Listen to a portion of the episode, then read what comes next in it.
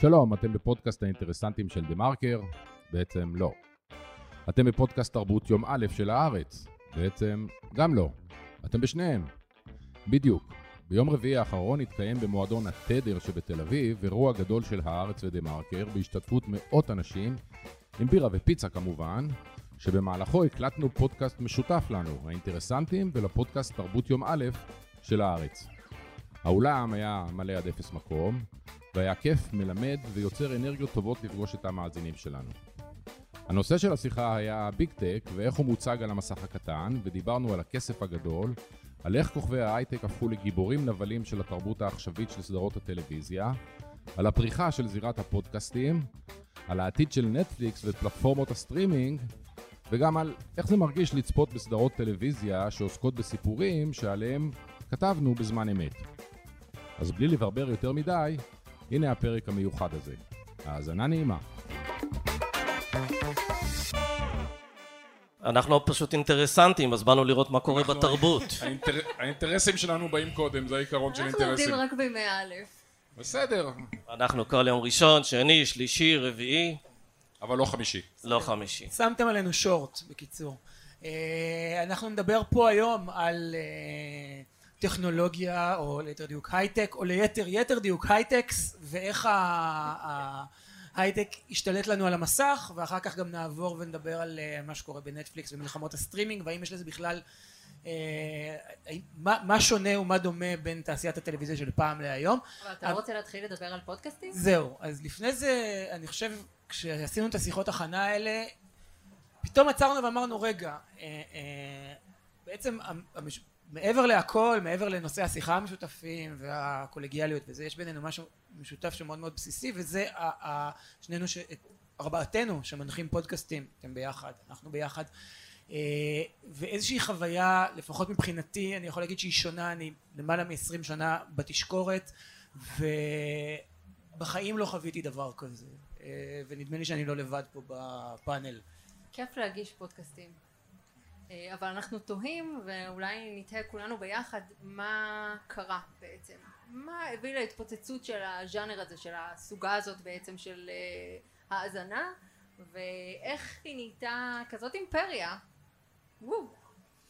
אני, אני לא בטוח שאתם uh, בכיוון עם האימפריה. קודם כל, ארבעתנו צריכים להתחלף פה, ובטח אני שמוריד פה את הממוצע הגילאים. הפודקאסט נגמר, הטלוויזיה נגמר, הכל בטיק טוק. אנחנו צריכים לעבור פורמט, ובשנה הבאה במקום הזה להסביר איך הגענו לטיק טוק. אבל uh, uh, טיפה ברצינות, זה, זה תעשייה מוזרה. בדרך כלל לא מרוויחים בכסף, זאת אומרת, יש uh, בכל מדינה וכל מקום שניים, שלושה, ארבעה פודקאסטים שתופסים 80-90 אחוז מההכנסות ככל שיש כאלה נניח מפרסומות והרבה אנשים עושים את זה בשביל להביע את עצמם באיזושהי דרך כזאת או אחרת בשביל ה fun כמו, כמו בלוגים. ולגביי למה זה תפס? דווקא דבר כזה של אה, מיקוד של 45-50 דקות שעה זה אפילו חצי תעלומה בעולם של הטיק טוק. סמי יש לך רעיונות? אה, אה, מה שאני פוגש, הרבה מאוד אנשים שמגיבים לפודקאסט, אה, אומרים לי אנשים שאנחנו בדרך כלל מראיינים אותם בדה מרקר הרבה מאוד שנים, באים אליי ואומרים לי, היי, הבן שלי מקשיב לכם. כלומר, הדור שאני ואיתן מסקרים הרבה מאוד שנים, כל מיני אנשי עסקים, פקידות, ציב... פקידות ממשלתית, רגולטורים וכולי, הם פחות מקשיבים לזה, אבל אנשים צעירים, בני 20, 25, 30, יותר מחוברים לז'אנר הזה. ההסבר הוא שפשוט אה, אנשים רוצים לנצל את הזמן שלהם טוב יותר, אז הם עושים כושר או ריצה או הליכה וכולי, או שהם אה, נמצאים בפקקים אז הם רוצים לנצל את זה, ואני חושב שגם היום בגלל הפרעות קשב שיש להרבה מאוד אנשים, יותר קל להם להקשיב, אפרופו הפרעות קשב, יותר קל להם להקשיב מאשר לקרוא אותך בעיתון, במגזין, באתר, בפושים שאתה דוחף להם, ואני חושב שאנחנו עשינו פשוט מה שהקהל ביקש, הקהל אה, האמת הוא לא פנה אלינו הקהל, לא אמר לנו תעשו פודקאסט. לא, לא היו הפגנות? אה, לא היו הפגנות, אבל, אה, אבל הקהל רוצה לשמוע אותך ולראות אותך ולקרוא אותך, והוא רוצה לבחור מתי ואיך ובאיזה פורמט, ואתה צריך לעשות את זה. אז בעבר עשינו את זה רק בעיתון, ואז נהיה אתר ונהיה מגזין חודשי ומגזין שבועי, ולפעמים אנחנו עושים כנסים ומפגשים מהסוג הזה, ואתה אומר אוקיי, ואם יש מישהו שרוצה גם להקשיב לנו אחרי כל מה שאנחנו אוכלים את הראש כל היום בעיתון, אז על הכיפאק. אבל הדבר המעניין הוא שמי שמקשיב לנו לפודקאסט הוא לא בהכרח קורא דה מרקר, הוא לא קורא, זה קהל נוסף שמגיע מסיבה כלשהי, זה תופס אותו, יכול להיות שבגלל שאנחנו מזקקים לו שלושה אייטמים ביום ולא את כל העיתון, כי לזה אין לו, אין לו כוח. אני חושבת שזה באמת עניין הפילוח. אתה איכשהו מצליח אה, למצוא קהל שמזדהה בדיוק עם מה שאתה מתעניין בו וזה איזשהו נס קטן שקורה, אתה לא מצפה שהסדרה האיזוטרית והדוקו המעניין אך שולי הזה שתפס אותי בשבוע שעבר יעניין עוד אנשים, איכשהו זה קורה, זה באמת נס קטן.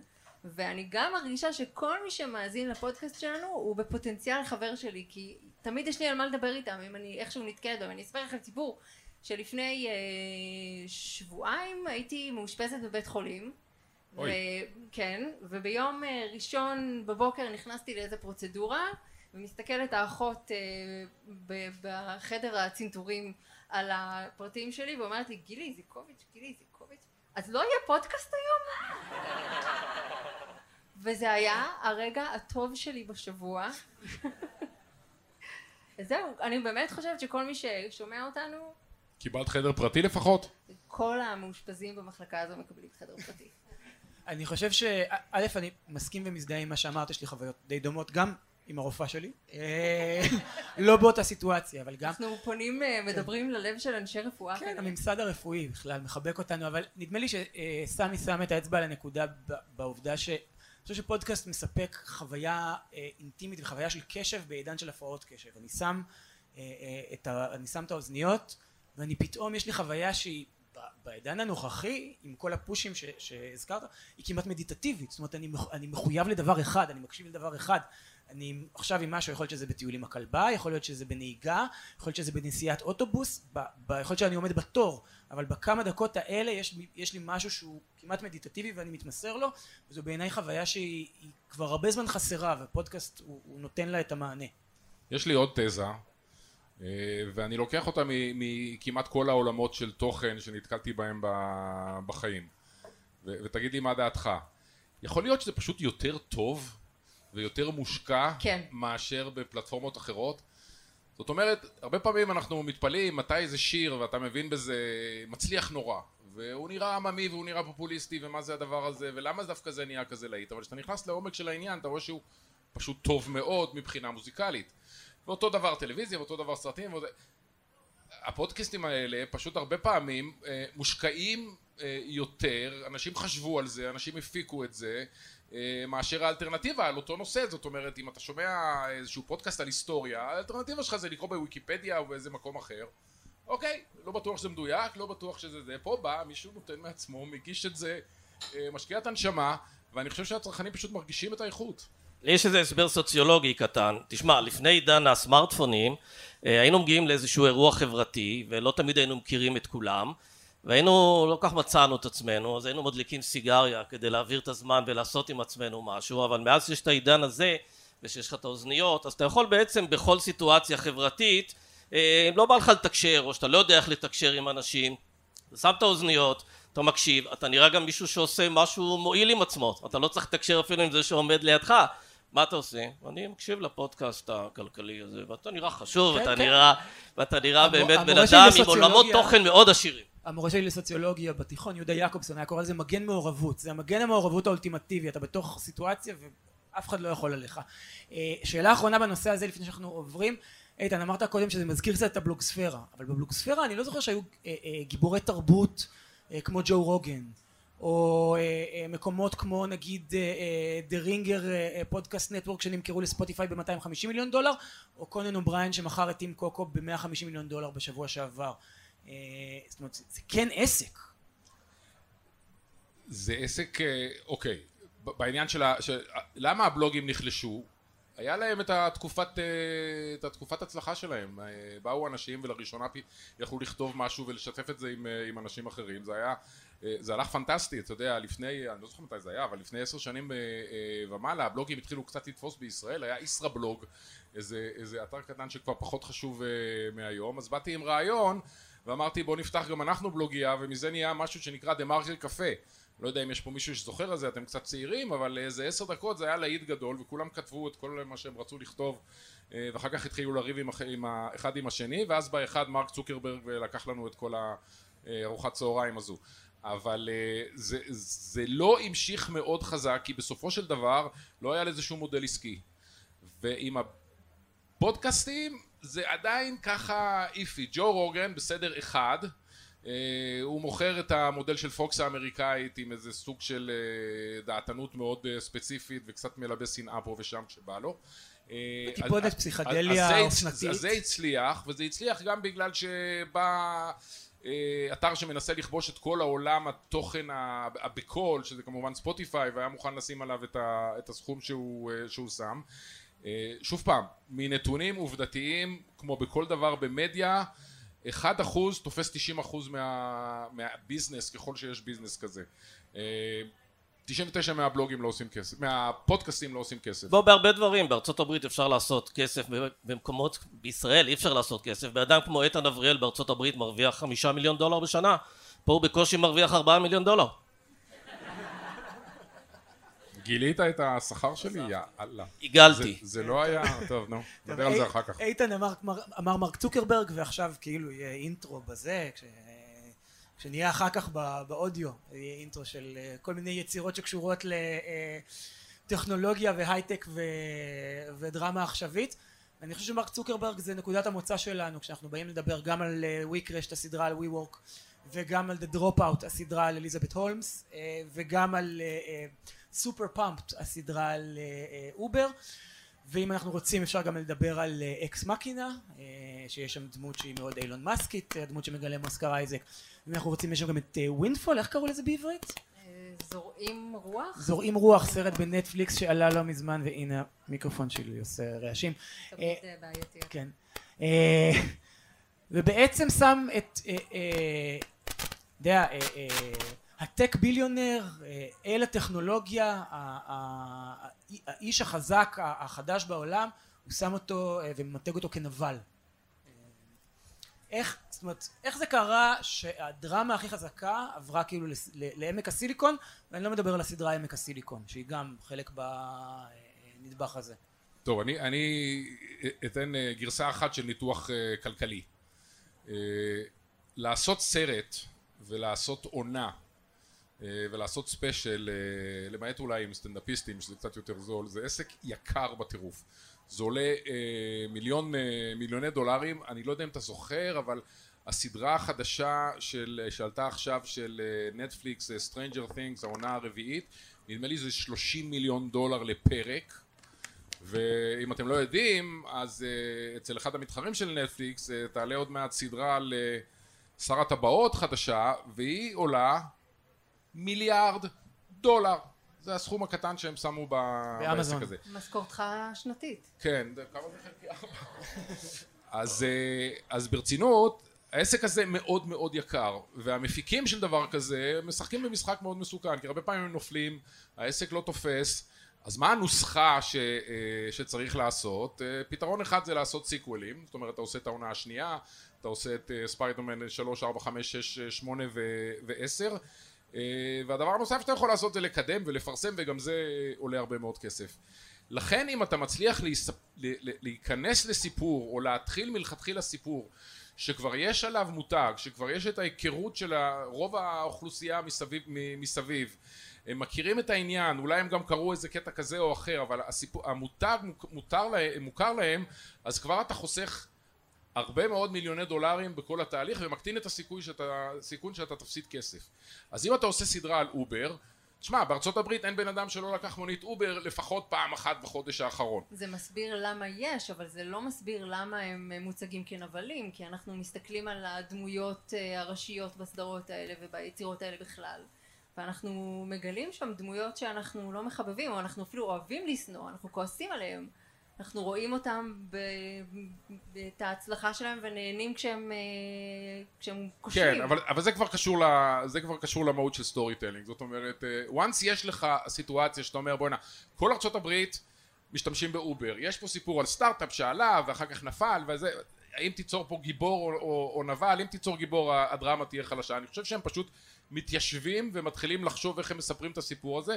הרבה פעמים יש להם איזה ספר של עיתונאי שכיסה את הדברים האלה בוול סטריט ג'ורנל בניו יורק טיימס. שזה גם סיבה לעשות... וכן הלאה, שזה גם סיבה, אז הוא כבר ראה את זה וכבר עשו להם את ה... חוסך לך את הפיתוח תסריט וכזה. ואז הם באים ואומרים בואנה, אנחנו יכולים לצייר את זה כנבל, את זה כגיבור, את זה כשחקן משנה, את, אנחנו נתפור פה ונבין אצל האמריקאים, זו אותה נוסחה תמיד, צריך שיהיה מערכת יחסים עם האבא ועם האימא, וצריך שהוא ירד למטה, וצריך שיהיה לו את, ה, את היום הכי גרוע שלא ברור שהוא יכול להתאושש ממנו ואז בדרך נס הוא מתאושש אבל נופל שוב הוא צריך לעבור טרנספורמציה זאת אומרת האמריקאים עובדים לפי סקריפט מאוד מאוד ברור של איך מספרים סיפור ואיך עושים טלוויזיה וכאן זה פשוט נורא נורא קל לעשות את זה אז הטיעון שלי שהם פשוט הולכים לדרך הקלה איפה אפשר למצוא משהו שכולם מכירים? זה כבר יחסוך לנו את הסיכון של לבוא עם סיפור שהוא דרמה נטו אבל איך תדע אם אנשים מתחברים לזה?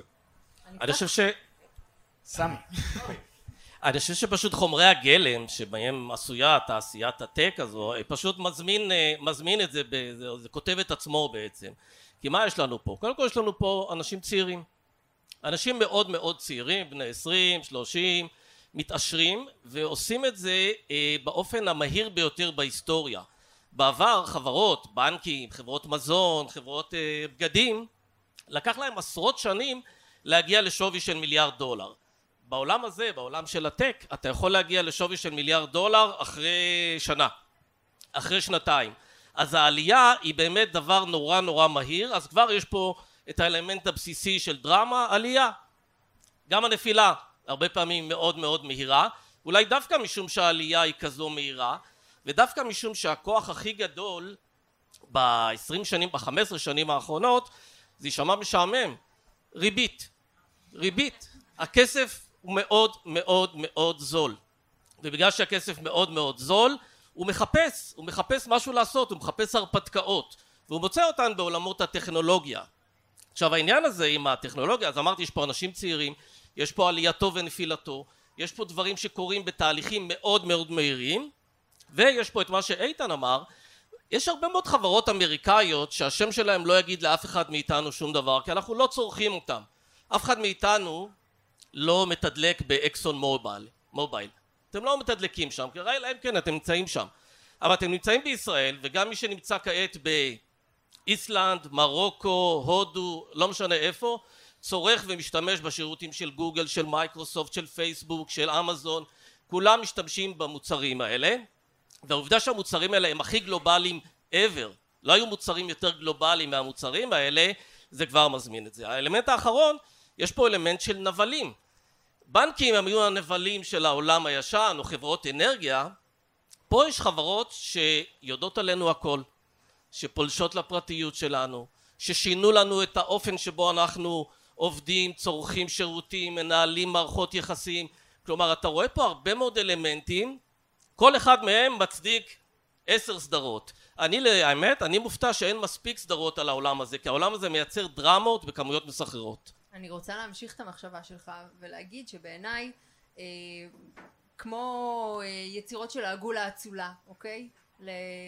ללואי ה-14 אה, יש איזו הסתכלות על, אה, על אה, העושר המופלג הזה ועל אורח החיים הרברבני והמוגזם והתעוררות של כעס וגם התעוררות של פחד כמו שאמרת מקודם. זה הכל איכשהו הכל וקנאה קנאה, אנחנו גם קצת מקנאים באנשים שמתעשרים אחרי דקה. וגם אם אה, מסתכלים על, אה, אנחנו לוקחים את נקודת המבט של, גם של הסדרות האלה, וגם בואו ניקח בחשבון שהדמות, אה, דמות גיבור העל הכי רווחית בעשרים שנה האחרונות, ואולי בתולדות הקולנוע האמריקאי, איירון מן מבוססת באופן חלקי על אילון מאסק. זאת אומרת, לקחו את הרבה מאפיינים של אילון מאסק והטמיעו באיירון מן. וזו אחת הסיבות שהוא זה משהו, המיליורדר, האיש שמחפש להמציא כל הזמן, האיש שחושב מחוץ לקופסה. גם בטמן אה, אבל הוא, כן, הוא כן. גיבור על שמתבסס על אה, כיסים כן. עמוקים. כן כן, מה שאני מנסה לחתור אליו הוא שיש גם מידה של הערצה בסיפור הזה, זאת אומרת יש גם, יש משהו במבט הזה שמעריץ, מי שראה את הסדרה על אדם נוימן וווי וורק, אז כן, יש את הלעג הזה ואת האופן שבו ג'רד לטו עושה מבטא ישראלי אה, והאופן שבו אין האת'ווי משחק את אשתו, יש, יש שם משהו, אלמנט טיפה מלעיג, אבל גם יש שם אלמנט שהוא מעריץ. אה, גם, סליחה? לא שמעתי? הערצה ל- ליכולת לעשות כסף בצורה כל כך מ- מהירה, הערצה לכריזמה, הערצה לכוח, הערצה ל- ל- להרבה דברים, ואני חושב ש... הרצה לא לעשות חיים רגילים של לקום בבוקר, צחצח שיניים, ללכת לעבודה, לחזור בערב, להדליק טלוויזיה, אלא לחלום.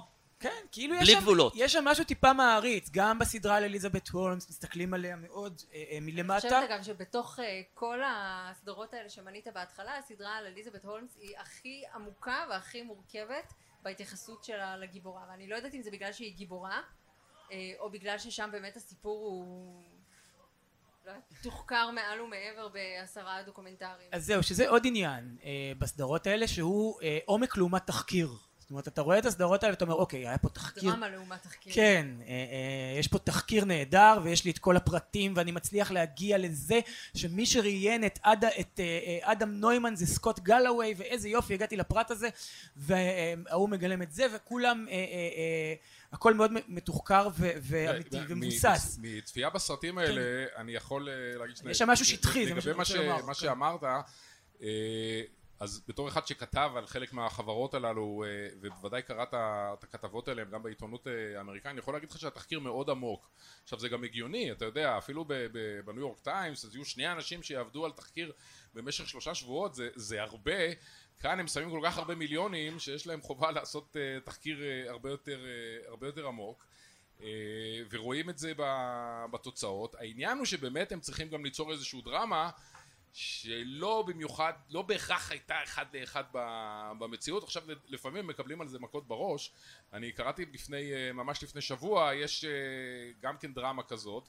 אה, על הלייקרס של, של שנות ה-80, אז זה קצת ספורט, אבל עדיין זה עסקים, כי בארצות הברית הכל עסקים, ויש שם סדרה של דמויות שתובעים את, ה, את הסדרה ותובעים את ה-HBO ג'רי על, ווסט. על איך שהם הוצגו ב, בסדרה הזאת. אז איך כן. זה באמת מרגיש לסקר את התחומים האלה, את האנשים האלה, ואז לראות את בני דמותם אה, מתרוממים מהמסך? האמת יש פה איזה נקודה, את יודעת, העניין של הנבלים הוא חשוב, כי הזכרתי קודם שבעבר הנבלים היו נגיד בנקאים, והייטק זה חיובי, כשאתה אומר למישהו שאתה עובד בהייטק, אז נלווים לזה בעיקר אה, ערכים חיוביים. זה לא סתם שמי שעשה את הסדרה על אובר, זה מי שעשה את מ- מיליארדים, את ביליונס. זאת אומרת, כן. זה- ו- וגם חיובי. נקודת המבט, נקודת המבט היא דומה, שיש בה התרסה אבל גם איזושהי הערצה. כן, כי יש פה טכנולוגיה שזה דבר טוב, יש משהו שמקדם אותנו, מייעל לנו את השירותים שלנו בחיים וזה דבר טוב, אבל בכל מקום, נכון שזו תעשיית חלומות, אבל בכל מקום שבו יש חלומות ויש יכולת להתעשר, בסופו של דבר גם מגיעים הנבלים, או יוצא מאיתנו הצד ה... היצר הרע נקרא לזה, והוא קורה, אין מה לעשות, ברגע שה... שהגוף הוא מתחיל כסטארט-אפ וזה נחמד וזה יפה וזה רומנטי וזה שלושה חבר'ה בגראז' ובסופו של דבר כשזה מצליח מאוד זה הופך להיות אנשים מאוד כוחניים, מאוד אגרסיביים, מאוד אה, אה, מפחידים לפעמים. ואתה אומר אוקיי אז אני רוצה לשים את האצבע על הדבר הזה. אנחנו בדה מרקר אני חושב שאחת המומחיות שלנו בעצם זה לזהות שחקנים חזקים מדי ולהיכנס בהם אפשר לקרוא לזה כך. כל פעם שיש ריכוזיות שיש שחקנים מונופולים וכולי בזה אנחנו עוסקים כל הזמן והעובדה היא שעד לפני כמה שנים אני חושב שההייטק היה לו לא הייתי אומר פטור לא אנחנו לא נותנים פטור לאף אחד אבל זה נתפס כמשהו חיובי כי זה חדש כי זה לא איזה הפרטה שלקחת איזה נכס מהציבור ועשית יש מאין יצרת משהו חדש. אבל לאט לאט אתה מגלה באמת שבאמת הרבה מאוד אה, גרידיות הרבה מאוד אה, אה, חלומות חלומות שהם קצת מופרעים הרבה מאוד אה, כולם עובדים כדי לייצר עוד שווי ועוד שווי ועוד שווי ואתה רואה גם את, אה, את הלייפסטייל שנוצר בחברות טכנולוגיה עם כל מיני סיפורים על אלכוהול במשרדים ומסיבות ומה שזה לא יהיה אז אתה מתחיל להגיע למצב שבו אתה מסתכל עליהם כעל תעשייה שמתחילה להסתאב והוליווד והסרטים והנטפליקס נהיה וול וכולי. מזהים את זה אני אנסה לענות על, ה, על השאלה האחת של, של איך זה מרגיש שאתה, רואה אה, סדרה שכתבת עליה די הרבה. אז אה, למשל הסדרה של אה, אה, זה לא יעבור כמובן בפודקאסט אבל אתם ראיתם את We Crashed את הסדרה אה, כמה מכם? תרימו את היד רק שנדע. טוב יש כמה. אגב סדרה לטעמי מעולה מאוד מומלצת. אה, הכל שם, אה, הכל שם מצוין והופעות פנטסטיות בעיקר של, אה, של הגיבור וגם של, ה, וגם של הגיבורה אבל אה, את הסיפור של, אה, של WeWork אני יכול להגיד לכם אני ידעתי כבר לפני שבע או שמונה שנים איך זה הולך להיגמר הגעתי לניו יורק, זה היה להם שני סניפים, החבר'ה ישראלים, קפצתי לבקר אותם, זה חבר'ה מחיל הים, אני קצת מכיר את, ה, את העניין, ונכנסתי למשרדים, מעוצבים נחמד, ברז בירה, והם קופצים ומספרים שהם הייטק והם הדבר הבא, אמרתי להם רגע אבל אתם משרדים, אתם מזכירים משרדים, איפה ההייטק? אומרים לי יש אפליקציה שאפשר להזמין את חדר הישיבות אמרתי וואו אוקיי אחלה הייטק מה עוד? גם בבית אריאלה אגב. כן אנחנו, אנחנו חושבים על אה, אפליקציה שתוכל עם הסלולר שלך אה, לקבל סיוע של אה, רואה חשבון של, של הקבוצה אמרתי בסדר וזה נראה לי בלוף די על ההתחלה, לא מבין בזה מי יודע מה, את האמריקאים צעירים שמסתובבים שם, אולי באמת חשוב להם. אחר כך זה הלך וגדל וגדל ופתחו עוד סניפים וגייסו אה, עוד כסף, ואז קרה עוד משהו לפני אה, חמש שנים כבר, זאת אומרת עוד כמה שנים לפני הנפילה. שהם הלכו וגייסו אגרות חוב דווקא, אה, בשוק אגרות החוב זה נייר ערך לא שכיר, אז רק המומחים מגיעים לזה, אבל הם כבר אז פרסמו דוחות, וראית שהם מפסידים טונות של כסף, ועל כל סניף נוסף שהם פותחים, הם מפסידים עוד כסף, זאת אומרת כל הסיפור הזה, איך, איך, איך, כל הסיפור איך, הזה נראה כבלוף, איך, איך, אז, אז אני אומר שוב, איך, איך בדיעבד, אתה מבין שאני פותחת טלוויזיה ורואה את הדבר הזה ואני צוק צוק צוק וואי וואי וואי איך הם עבדו שם על אנשים כל כך הרבה שנים כן. הם איך מספרי. הסיפורים הטובים בהיסטוריה, ועל סמך זה הם מגייסים כסף. יש הרבה אנשים שיודעים לספר סיפור ולא עושים מזה כסף. שם אתה מספר סיפור, אתה הולך למשקיעים, נדלקים, העיניים אה, נוצצות, ומזרימים לזה כסף, לא של המשקיעים, של אחרים. אז, אז זה העניין, כי אה, אני חושב שמאפיין שהוא משותף לכל הסדרות האלה זה אווירת ה-fake it till you make it. כאילו ככה זה, אין ברירה אלא אה, אה, להעמיד פנים שהכל קורה עד שהוא לא קורה, עד שהוא קורס. התשובה באופן כללי היא, היא, היא כן. זאת אומרת, צריך להבין איך עובד העולם הזה של השקעות. אה, יש מצד אחד, ובוודאי שהוא עמד ככה בעשר שנים האחרונות, סמי כבר אמר, ריבית אפס, כסף נורא זול, יש בעיה גם לצד השני, יש בעיה ענקית למשקיעים הגדולים, אה, קרנות הון סיכון, אה, גופי הפנסיה, אה, מי שאתם רוצים, יש להם כסף והם לא יודעים מה לעשות איתו, נשפך להם כסף כל הזמן, תנו לי כל, מה, כן בסדר, אני כבר. לקחתי, לוקחים ממך, גילי, לא נותנים.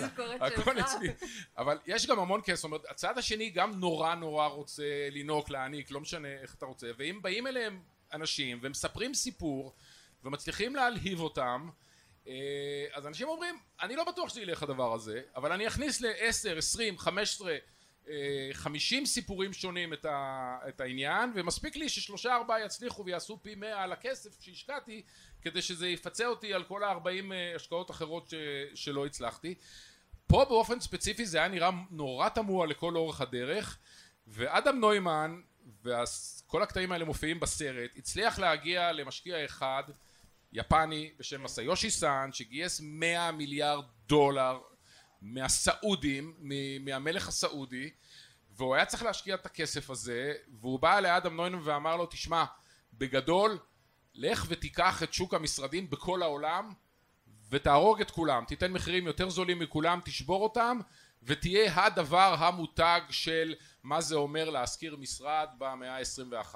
הוא נתן לו שם 20 ומשהו מיליארד, אה, מיליארד דולר והתקווה והמשיך היא לגבות ש- אותו גם אחרי. שימשיכו את הבלוף הזה עד לאיזשהו רגע בעתיד שבו אתה אומר כבר אין מתחרים ורק אני המותג שנשאר ותתחיל לעשות, אה, תתחיל לעשות כסף וזה זה תרגיל שעובד ברשתות חברתיות זה לא עובד במשרדים מסתבר אני רוצה רק לסייג את זה, בוא, לא כל תעשיית הטכנולוגיה היא בלוף. אנחנו רואים את הסרטים על חלילה, הבלופים. חלילה. לא, יש כל כך הרבה חברות שהן לא בלוף. אגב, הרבה מאוד חברות טכנולוגיה עושות דברים שאם היינו עכשיו מנסים להסביר מה הן עושות, כולם היו נרדמים, כי זה דברים נורא משעממים, דברים שמייעלים תהליכים גם בתוך לא ארגונים, בלוף, ועושים כל הייתה מיני... חברה רעילה. אי אפשר לעשות על זה סדרה, אבל זה חברות שעושות דברים שהם משמעותיים, שמשפרים תהליכים, שמשפרים אה, טכנולוגיות, שמייצרים, אתה יודע, אפילו תרופה לקורונה.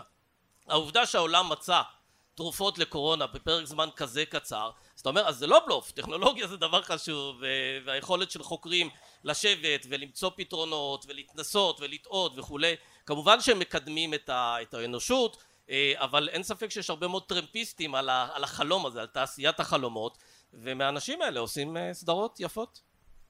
אה, זה מעביר אותנו טוב אני חושב לנושא האחרון שלנו בלוף או לא בלוף והאם יש הבדלים בין תעשיית הסטרימינג לתעשיית הטלוויזיה הקודמת קראתי לא מזמן אקספוזה כזה, והעברתי אותו לגילי, על העובדה שבעצם הסטרימינג זה, אני שונא את הביטוי הזה, אותה גברת בשינוי אדרת. זאת אומרת, החלפנו את הטכנולוגיה, אבל אנחנו מובילים את עצמנו לאותו מקום. אה, זה מה שאתם רואים גם, נגיד, מסיקור תקשורת uh, מהפן הכלכלי, או שבאמת יש פה כסף חדש ועסק חדש ורעיונות חדשים. הסטרימינג בא ועשה disruption, הפרעה טוטאלית לכל המודל של אה, סרטים בקולנוע, בטלוויזיה. אה, שוב, אמרתי את זה בהתחלה, העיקרון של, של, של קולנוע וטלוויזיה, אה, כיוון שזה כל כך יקר וכל כך מסוכן לעשות את זה, כי אתה נופל כל כך הרבה פעמים, זה לעשות משהו ואחר כך לקוות שתוכל לשכפל אותו בעונות נוספות וב, ובסרטים אחרים בעלות יותר, העלות נשארת אותו דבר בהפקה, אבל אתה יש לך את כל הצופים שכבר לקחת בסיבוב הקודם ואתה אחרי זה מוסיף עליהם עוד סרטים. וזה עסק שבמשך הרבה מאוד שנים הרוויח הרבה מאוד כסף.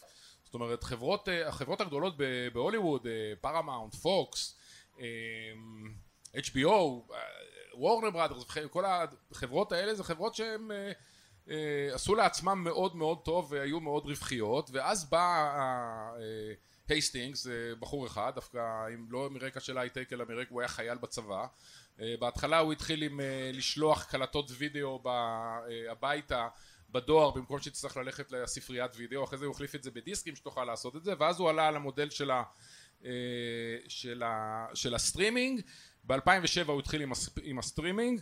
בהתחלה זה רק היה דברים שהוא קנה מאחרים. ב-2012 הוא הוסיף לזה את הנדבך והתחיל להפיץ גם להפיק גם סרטים בעצמו. וזה נטפליקס. מה? וזה נטפליקס. וזה נטפליקס. וזה תפס וזה הרס ושינה לחלוטין את כל המודל של כל התעשייה הזו ופתאום כולם הבינו או חשבו שהם הבינו שהם, אה, שהולך להיות פה אה, מרוץ אה, שבו רק גוף אחד ינצח וחס ושלום שנטפליקס ייקחו את כל הקופה כמו שגוגל לקחו את כל הקופה של החיפוש וכמו שפייסבוק לקחו את כל הקופה של רשתות חברתיות וכן הלאה ושהם ייפלטו מהביזנס ויפשטו את הרגל או אני לא יודע מה והתחילו לשפוך כספים הזויים ומטומטמים לחלוטין בעניין הזה של הפקות חדשות והתחילו גם לפתוח בעצמם מתחרים לנטפליקס. אז כמו שאתה יודע יש עכשיו כמה חמישה או שישה או שבעה אה, מתחרים לנטפליקס בארצות הברית. זה דיסני דיסני והולו ביחד זה, זה אותה חברה למעשה אבל יש פיקוק ויש HBO ו... ופרמונט פלוס. ובארץ עכשיו אה, קשת רוצים לפתוח אה, אותו דבר. זאת אומרת זה נהיה, זה נהיה משוגע לחלוטין ומה שקורה שברגע הזה ממש בחודשים האלה אם תרצו השוק הזה לא עושה שכל מבחינה כלכלית לחלוטין.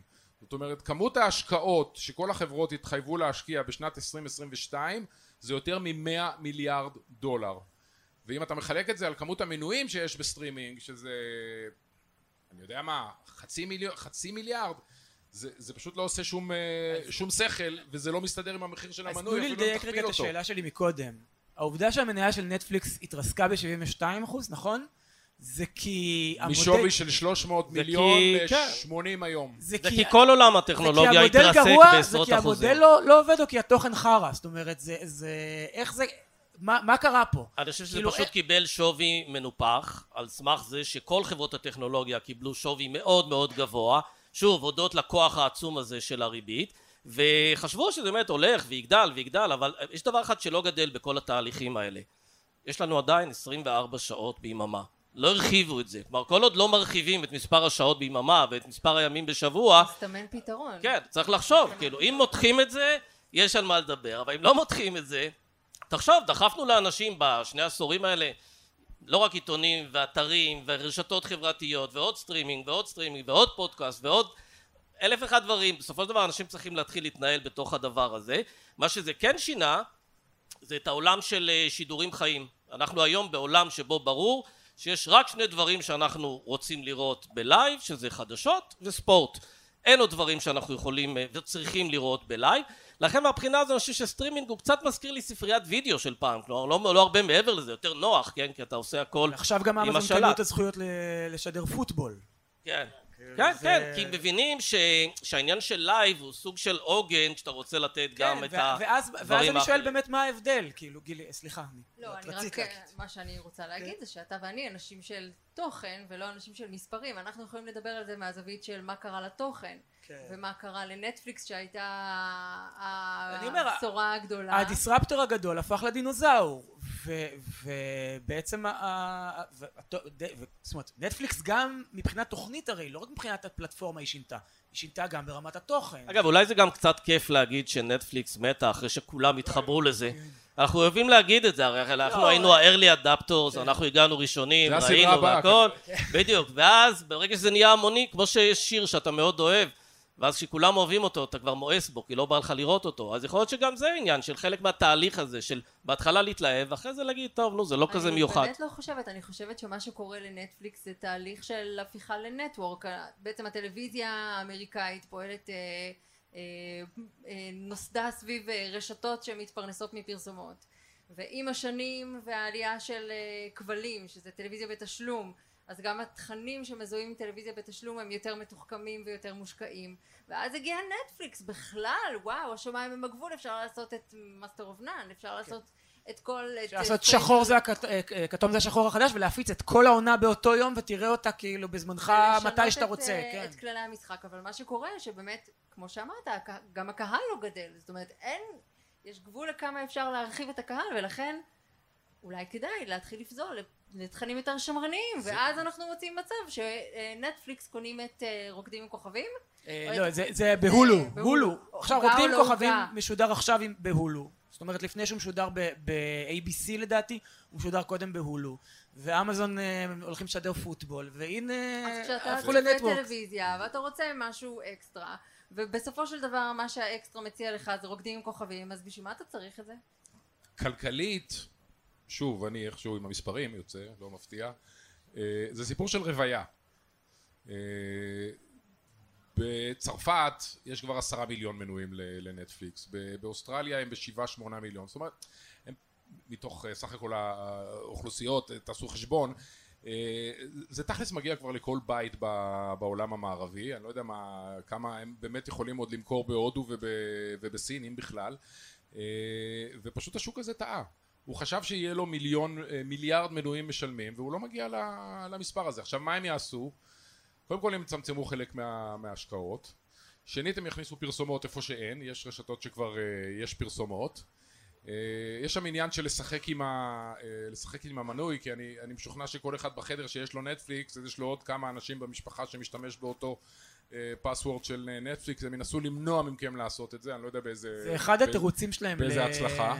זה אחד התירוצים שלהם לאי הגדילה או למעצור שהם קיבלו. זה שכולנו כן. מחלקים בעצם את טוב, זה קצת שלהם. תירוץ, אבל כי אני לא יודע אם יכולים לעשות משהו אמיתי נגד, ה, נגד העניין הזה. אה, ו, והדבר הנוסף שהם ינסו לעשות, וזה בדיוק השאלה שלך או שלך, הם ינסו לשפר את התוכן. זאת אומרת, אם יש לך פחות כסף ואתה עכשיו כבר לא רץ ואתה מתחיל לחשוב גם על הביזנס כדי שבאמת יעבוד, הם יצטרכו באמת להוציא תוכן אה, איכותי כזה שהם יצליחו לעשות עונה שנייה. כן, אגב, אחד הסימנים הכי אה, בולטים לשוק שהוא רווי, זה כששחקן מחליט להיכנס לתחום של שחקן אחר. עד עכשיו הייתה חלוקת שוק, אנחנו בסטרימינג, אתם בלייב, אז אני רוצה עכשיו גם כן את האירועי לייב שלכם. כמו שקשת עכשיו רוצה לעשות סטרימינג, אז הוט אומרת, אנחנו נקים חברת חדשות. אה, זה, אגב, זה גם קצת אה, מין איום כזה, אם אתם תעשו את זה, אנחנו ניכנס לזה. העניין הזה של חלוקת שוק, בשלב מסוים הוא מתחיל להיטשטש, זה קורה כששיעורי הצמיחה שהיו מאוד מאוד גבוהים, שהעלו את השווי של החברות, שיעורי הצמיחה האלה מתישהו נבלמים, מביאים לזה ששווי החברות האלה קצת קורס, ואז אתה רוצה לספר סיפור חדש, ואז אתה הולך באמת לרוקדים כוכבים, כלומר אתה עושה את כל הסיבוב כדי לחזור אה, לבייסיק שממנו כולם אה, התפרנסו יפה פעם. זה, אני חושב שזה מסכם יפה, כי אחת הביקורות על וויקרשט, הסדרה באמת על אדם נוימן וווי וורק, הייתה שמה אפל מממנים כזה דבר, זאת אומרת, אתם יורקים לבאר שלכם, זה באותה מידה זה יכול היה להיות סיפור גם עליכם, אה, או הולו עם אה, זה, עם אה, אליזבת הולמס. זאת אומרת, זה- אז, ה- ה- מה אתם משקיעים הון ב- בלספר סיפור שיכול היה להיות בא- באותה מידה אתם. כן, זה, זה בעיה ב, בתוכן הרבה פעמים, אה, שלפעמים יש גופים שיש להם אינטרס לממן פעילות של, אה, של תוכן שלא למטרות רווח בכלל, שזה לא המודל אה, שלהם, זה איזשהו סוג של תוספת כזאת שמתאימה להם, זה יכול להיות מה שנקרא בעסקים, לא סלידר, זאת אומרת משהו שאתה מפסיד עליו במודע כדי להתחזק או לשמור על מקומך בתחומים אחרים. בשביל חברה כמו אפל, שהיא חברה, הייתה שלושה טריליון דולר בשווי שוק לפני כמה חודשים, לפני הגל הירידות האחרון, אז להשקיע מיליארד דולר בשנה בתכנים זה, זה, זה פינאץ לחלוטין, ואם יכולים להגיד לך, תשמע, תקנה אוזניות אייפוד ותקנה גם uh, את אייפון 15, נזרוק לך שנה בחינם של אפל TV, נו, מה אתה אומר? זה ככה, זה, זה כן. פרוטות. ואתה אומר כן, אז, אה, אז למה לא? ואז באמת זה עושה צרות אה, לאחרים שצריכים איכשהו להשוות את זה, ולהם אין את המודל. זאת אומרת, נטפליקס לא מוכרים פלאפונים. מסמנים לי שאנחנו צריכים לסיים עוד שעה וחצי. עכשיו? אה, אז ראית עכשיו. כן. תודה גילי, תודה איתן, תודה סמי. תודה שבאתם. תודה. אה, היה כיף.